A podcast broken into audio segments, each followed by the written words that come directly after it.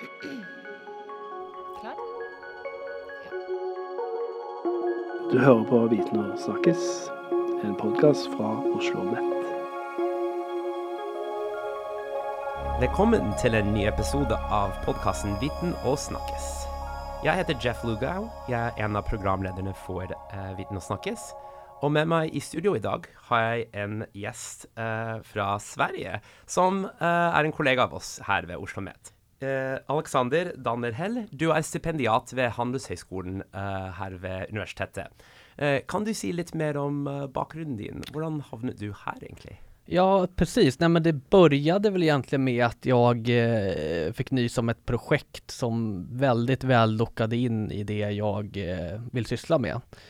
Eh, och det är ju framförallt internationell politisk ekonomi och legitimitet för en eh, liberal internationell ekonomi då, helt enkelt. Eh, så jag har en bakgrund som statsvetare och samfundsekonom från Lunds universitet. Idag är jag huvudsak statsvetare kan man säga.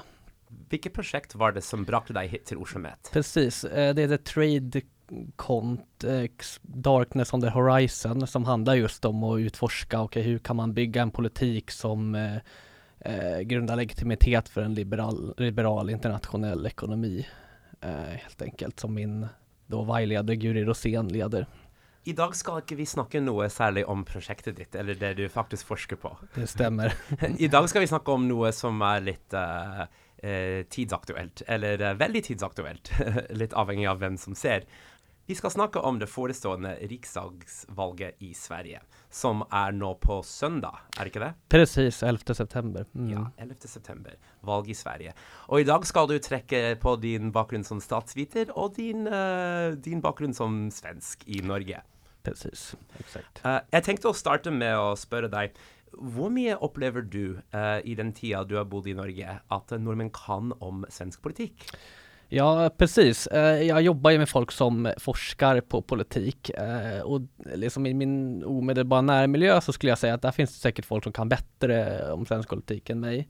Men i allmänhet, min uppfattning är väl att det blir väl lätt att man fastnar på eh, extrempunkterna, liksom Sverigedemokraterna, gängbrottsligheten, det som kanske skiljer sig från, från Norge då. Eh, det har ju det begreppet svenska tillstander, eh, för att beteckna allt som är dåligt med Sverige ungefär, om jag har förstått. Eh, så det är väl min uppfattning i stort. Mm. Har du i, noe, i noen særlig grad fulgt med på den norske dekningen av svensk politikk? Altså, jeg tenkte både nå under valgkampen, eh, de siste ukene og månedene eh, fram mot valget, men eh, også før det. Følger du med på den, ja, hvordan norske medier dekker politikk i ditt eget land? Eh, väldigt ytligt måste jag säga. Eh, men i, i förra, den norska valkampen så pratar man ju om där Sverige lyfts upp så var det ju bland annat då Sylvie Listhaug lyfte upp att i Sverige så spränger man bomber och granater i gatan så, så det, väl, det var ungefär en av de liksom första inslagen av svensk politik i norsk politik jag möttes av när jag kom hit. Eh, men i övrigt skulle jag inte säga att jag följer jättemycket med i den norska dekningen. Nei, og det, det, det gir nok eh, mening. Men kanskje med tiden så begynner du følge mer og mer på den norske dekningen av politikk i ditt land. Precis. Um, i, i, i, samtalen som følger nå, så skal vi snakke om en del eh, uh, politiske partier. Eh, uh, og mange av de svenske partiene har søsterpartier her i Norge. I mange tilfeller har de også veldig lignende navn. Um, eh, en liten oppfordring til oss begge, eh, to svensk politikknerder. Eh, vi, vi, kan vi prøve å si partinavnene helt ut, og unngå forkortelser? Eh, hvis vi bruker forkortelser, så kan vi da gjerne legge til eh, det fulle navnet på det partiet. Absolut. Så bra. Eh, Det er en like mye en oppfordring til meg som det er til deg. Så nå har det gått fire år siden, eh, siden ja, forrige valget, som da ga oss en regjering bestående av Eh, på den tida, eh, eller etter noen uker och till och med månader tror jag, med regjeringsforhandlinger, två partier. Stämmer inte det? Precis, det var Socialdemokraterna, Miljöpartiet eh, och efter en lång förhandling så fick man ju stöd från Vänsterpartiet, Liberalerna och Centerpartiet i den famösa decemberöverenskommelsen.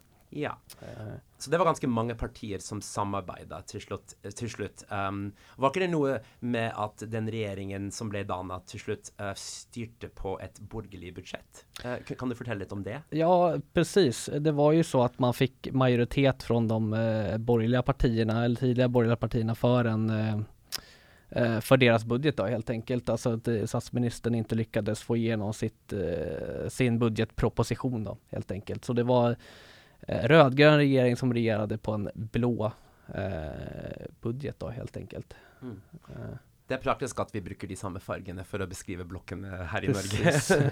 Eh, em, eh, hvorfor klarte ikke eh, en av enten den venstre side rød-grønn blokka eller den borgerlige blokka å danne en regjering og lage et, eh, eller få, få flertall for sitt eget budsjett?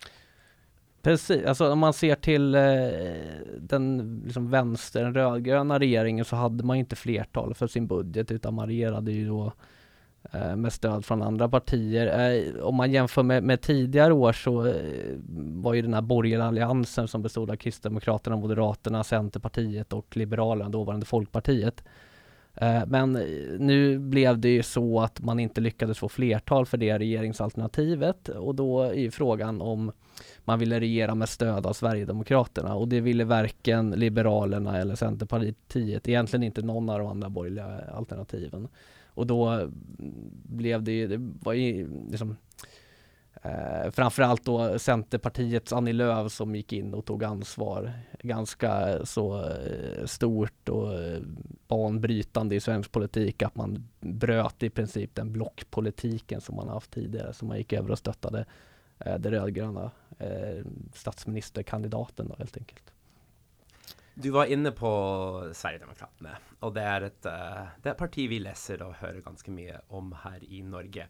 Um, kan, du, kan du si något om hur eh, de andra partierna i svensk politik förhåller sig till Sverigedemokraterna i denna valkampen sammenlignet med förra valkampen? Har något eh, forandret seg? Precis, och det är ett exempel som flitigt lyfts upp av kanske framförallt de rödgröna i att man inför det senaste valet var väldigt tydlig med att eh, kommentera att vi kommer aldrig samarbeta med Sverigedemokraterna. Det är ett främlingsfientligt parti som inte står för demokratiska värderingar. Eh, och det har ju skett en förskjutning, kanske delvis förklarat av att man har, kanske Sverigedemokraterna lyckats få upp integration och migration på, på agendan. Så nu har man ju från de borgerliga partierna närmat sig Sverigedemokraterna. Det är fortfarande lite oklart huruvida de går med på att eh, bilda regering, men no någon form av samarbete kommer det bli. Eh, mellan ja, Liberalerna, Center, eller Liberalerna, Moderaterna, Kristdemokraterna La oss gå over på saker i denne valgkampen. Um, ehm, hvilke saker er det som uh, tar mye plass i debatten, uh, som dominerer dagsorden i Sverige nå? lik Norge så är ju energipris, strömpriserna ett, en het debatt. Uh, och där är det ju en, en, en, en splittring mellan blocken där man kanske från, från eh, de socialdemokraterna framförallt lyfter fram att det här är liksom en exogen kris, vi kan inte göra någonting åt det. Medan eh, de borgerliga eller de högerkonservativa partierna kanske framförallt lyfter fram att nej men det här är på grund av att man la ner atomkraftverken och liknande. Så det är energipriserna än.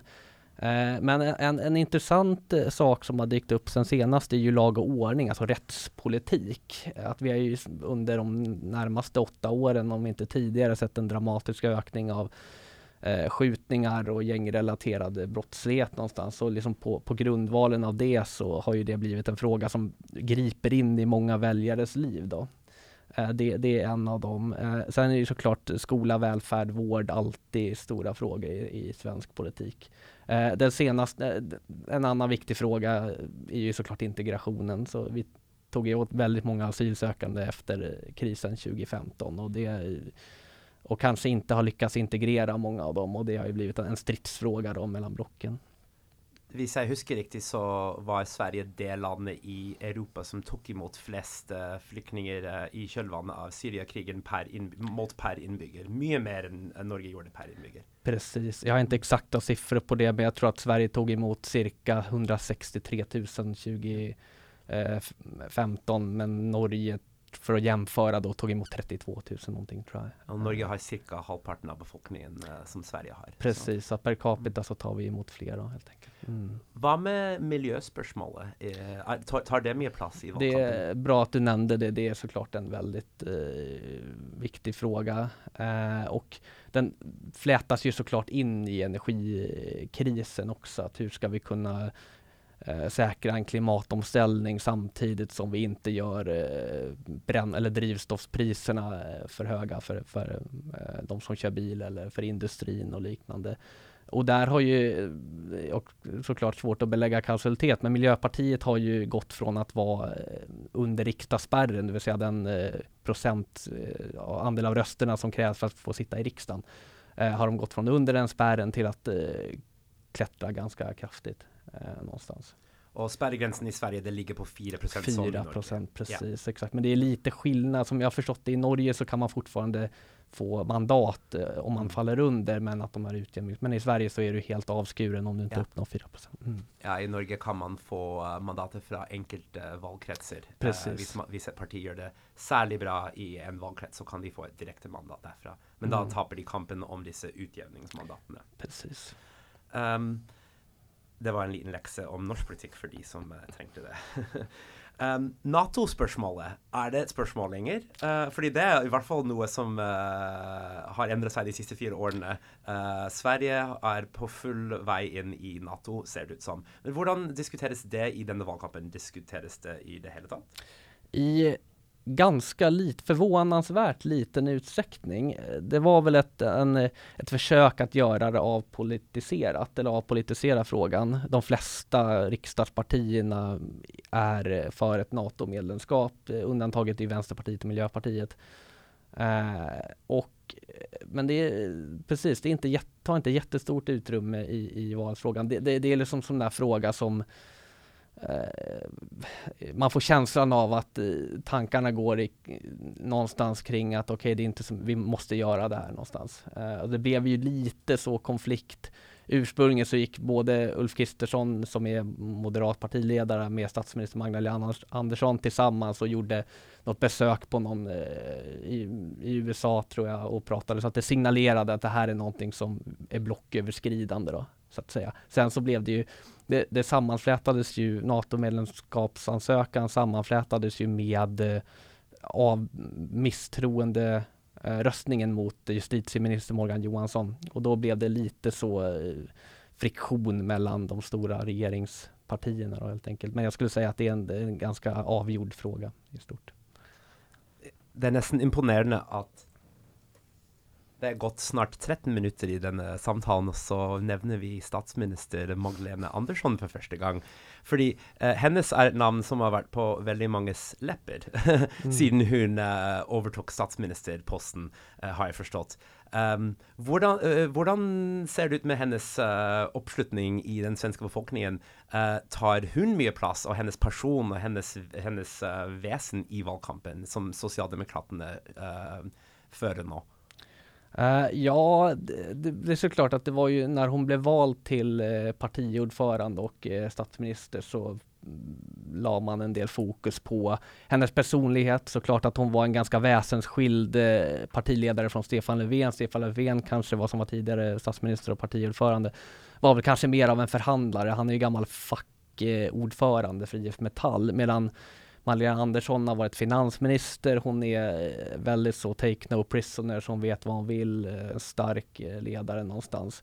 Jag har inte meningsmålingarna om förtroende för partiledarna i, i huvudet, men det, det jag minner mig är att hon har, har ett ganska stort förtroende för att vara i en valkamp mellan mm, Jeg har lyst til å gå over på uh, mulig utfall av valget. Og nå skal jeg ikke be deg om å spå noe utfall eller uh, forutse hvem som sitter i den kommende regjeringen. Um, uh, vi driver ikke med veddemål her. Uh, men kunne, vi, kunne, du sagt noe om um, de mest sannsynlige regjeringskonstellasjoner? Precis, det är ju väldigt, väldigt jämnt i opinionsmätningarna. Det skiljer någon procentenhet och ska man göra liksom de inte, skillnaderna är inte statistiskt säkerställda heller. Eh, men i nuläget, om, om man tittar på liksom eh, de uttalanden som partierna själva har gjort om vilka möjliga regeringspartners så har man ju, det som är fastslaget är ju att eh, Socialdemokraterna är mindre klara, de har Miljöpartiet och Vänsterpartiet med sig. Där är Miljöpartiet den troliga regeringspartnern. Sen har man pratat med Centerpartiet och media rapporterar att de har eh, inlett eh, liksom förhandlingar om ett potentiellt regeringssamarbete, vilket är nytt sen senaste och eh, de närmaste åren. Centerpartiet har ju tidigare inte velat sitta i en regering som får stöd av Vänsterpartiet på hög, de högerkonservativa partierna är, de utger sig för att vara mer samspelta, men om man går ner på sakpolitiken så är det, finns det enskilda politikområden där det kan vara svårare att förlika, men där har man Moderaterna och Kristdemokraterna som tydligt menar att de ska bilda regering. Eh, men inte tillsammans med Liberalerna och Sverigedemokraterna. Sverigedemokraterna och Liberalerna menar att eh, de ska ingå i regering och kommer nog kräva ministerposter skulle jag säga. Eh, men många har varit, de flesta partierna där, eller de utöver Sverigedemokraterna har varit tydliga med att de inte vill bilda regering med, med Sverigedemokraterna. Är det någon som helst möjlighet för en blocköverskridande regering bestående av de två största historiskt sett partierna i svensk politik, det vill säga Socialdemokraterna och Moderaterna. Precis, jag har väldigt svårt att se det. Eh, de brukar ju få den frågan och då säger de att i princip att de det andra partiet helt lägger om sin politik så jag är villig att ingå i en regering. Men i nuläget så ser jag inga möjligheter för det. De står för långt ifrån varandra politiskt.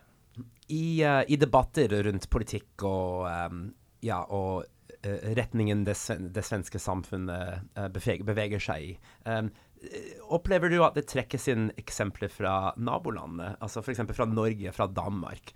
Um, och i, i så fall, hva slags exempel?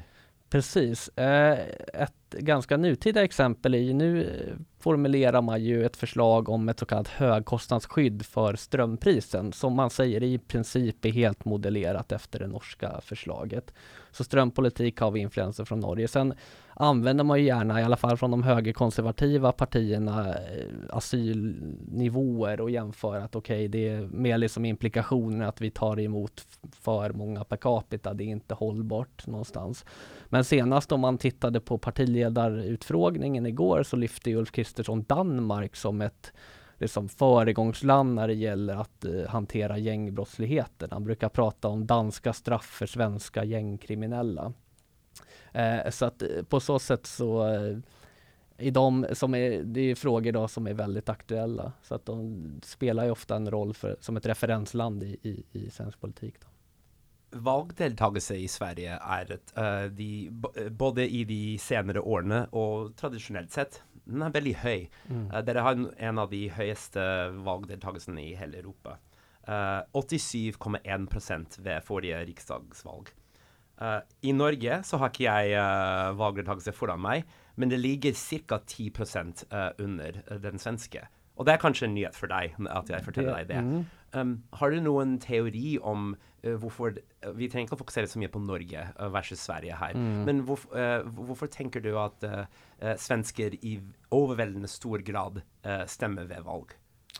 Ja, ja, det är ett väldigt komplicerat eh, spörsmål. Eh, jag ska säga att ja, det finns ju såklart teori om eh, valdeltagande. Om, om jag får liksom ge en personlig reflektion så eh, jag vet inte, alltså Sverige har väl alltid haft ett så ganska livligt eh, civilsamhälle och liksom där folkhemstanken om folkparker och liknande, att man sluter upp kring politik är viktigt någonstans i, i Sverige och sen jag menar personligen så eh, det, det finns ju en stigma att säga att man inte ska rösta vid val någonstans. Uh, sen vet jag inte, en skillnad mellan, för att ta skillnaden mellan Norge och Sverige är ju att vi röstar ju för alla tre nivåer, så vi röstar ju på lokal, regional och riksdagsval. Uh, och det är en viktig forskel. Precis, jag vet inte, det är svårt att säga något om kausalitet, det kanske inte har något med varandra att göra, men det är ju more, som, mer på spel i det svenska riksdagsvalet eftersom att det är flera val tillsammans. Då. Så valkampanjen blir ju troligtvis större eftersom att man ser det på alla nivåer. Helt enkelt. Jeg har, eh, jeg har, bare et par spørsmål igjen til deg. Um, og det er veldig spennende å snakke om svensk politikk, og jeg håper også lytterne våre får noe mm ut av denne samtalen. Um, I, stad sa jeg ikke skulle be deg uh, trekke sammenligninger mellom Norge og Sverige når det gjelder valgdeltakelse, men nå skal jeg faktisk be deg om å, om å trekke en sammenligning. Um, mm. jeg, jeg, jeg, lurer på om du Du har bodd i Norge i halvannet år nå. Ja, ett år egentligen. Jag blev ju, Ja.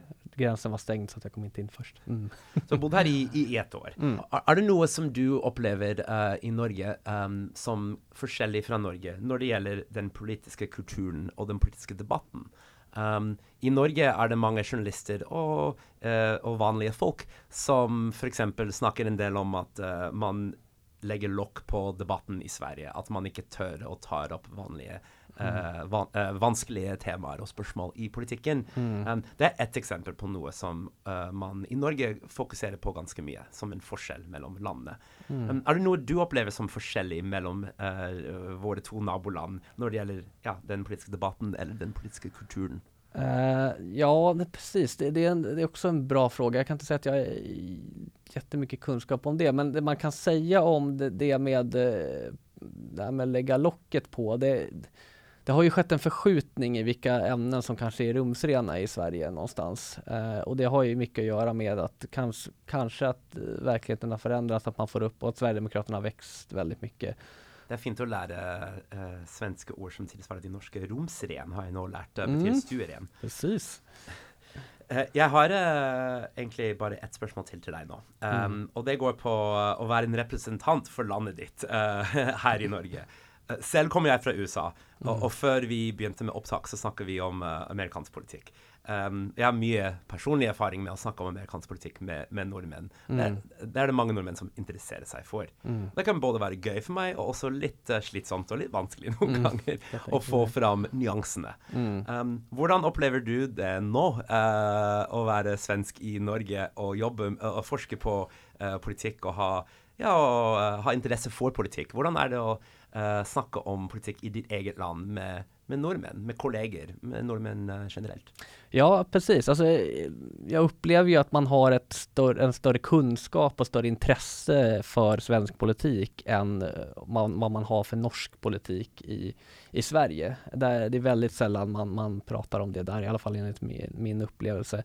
Eh, och man kan, ja, men som vi var inne på tidigare, förhållandevis mycket om det. Det är klart att de exemplen som, som sticker ut är ju det vi pratade om tidigare. De kanske det som eh, inte riktigt färgar Sverige så bra. Alltså Sverigebilden kanske inte alltid är den bästa eh, när det gäller. Men jag tror att jag märker det att många har ju kanske, eh, när jag pratar med kollegor så var ju Sverige kanske ett- tidigare ett föregångsland. Man pratar ofta om Olof Palme, folkhemmet som någonting man lyfte upp som ett ideal någonstans. Eh, någon som representant för man, man brukar, brukar prata om den skandinaviska välfärdsmodellen exempelvis i forskning. Eh, så att jag tror att man har en jag ska inte säga respekt, men man eh, pratar gärna om Sverige, i alla fall som det en gång var. Takk for eh, at du tok deg tid til å være med på podkasten i dag, eh, Alexander Dammerhell. Mm, Eh, selv. lykke til med valget på søndag. Yes. Um, jeg er sikkert ikke den eneste i Norge som skal ha en uh, uhøytidelig svensk eh, valgvake hjemme hos meg på søndag kveld. Um, takk igjen for at du kom. Takk til deg som hørte på i dag. Vi hørs. Thank you.